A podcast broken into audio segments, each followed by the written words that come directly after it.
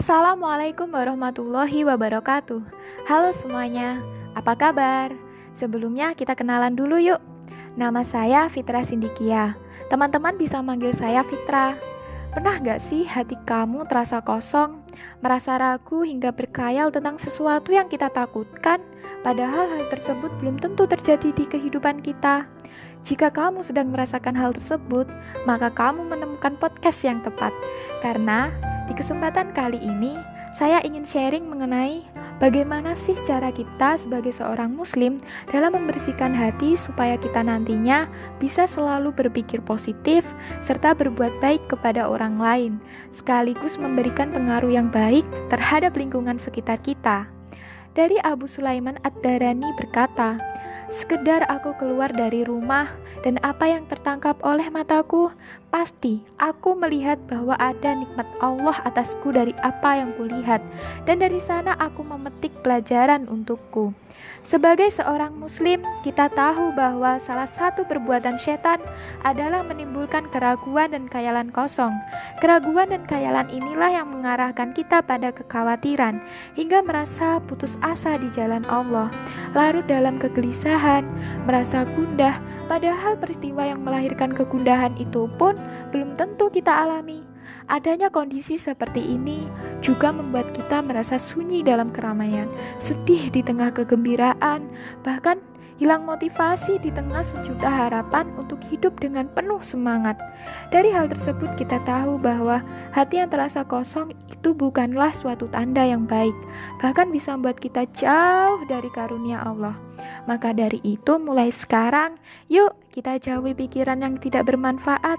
Kita buang semua kekhawatiran yang tidak tepat pada tempatnya, sebab semua itu tidak akan menambah apa-apa, kecuali membuat kita semakin terpuruk, frustasi, dan takut tanpa sebab yang jelas.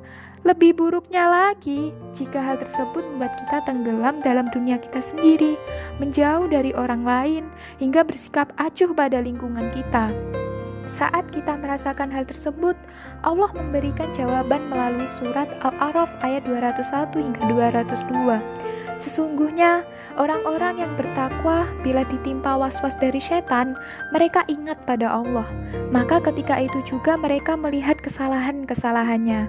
Begitulah jawaban dari Allah. Kita sebagai manusia biasa, sering kali berpikir hanya terbatas pada permasalahan duniawi saja. Kita terlena dengan keindahan semu yang ada di dunia. Kita terlalu sibuk mencari cara untuk mendapatkan kekayaan. Waktu kita habis hanya untuk mencari cara bagaimana sukses di dunia saja, sehingga kita lupa akan kehidupan akhirat.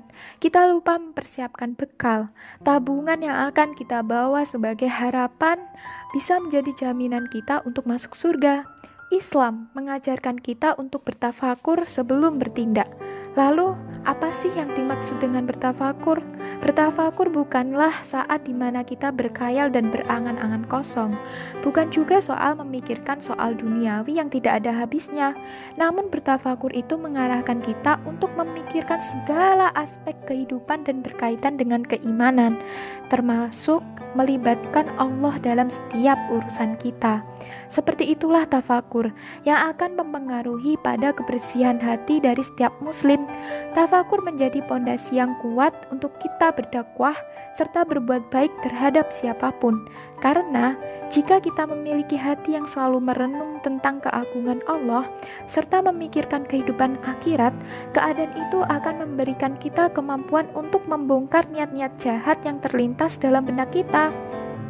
Setiap kali ketika terlintas suatu niat buruk, maka pikiran, perasaan, dan pandangan yang baik akan segera mengetahuinya dan membantu kita mengendalikan diri supaya tidak terjerumus pada hal yang dibenci Allah. Ada sahabat Nabi yang bernama Amir bin Abi Qais rohimahullah, beliau pernah berkata, Aku mendengar bukan hanya sekali, dua kali, atau tiga kali dari sahabat Nabi pernah mengatakan, Sesungguhnya pelita cahaya keimanan itu ada pada tafakur. Jadi, tafakur itu salah satu kunci keimanan kita. Kunci itu harus kita jaga. Dengan cara apa? Tentunya membiasakan diri dengan bertafakur.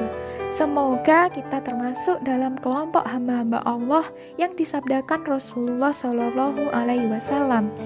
Man yuridullahu bihi khairan yufaqihu fiddin yang artinya barang siapa yang Allah kehendaki baik maka Allah berikan padanya pemahaman agama Demikian materi yang dapat saya sampaikan.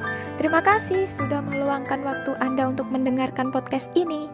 Wassalamualaikum warahmatullahi wabarakatuh. Sampai jumpa.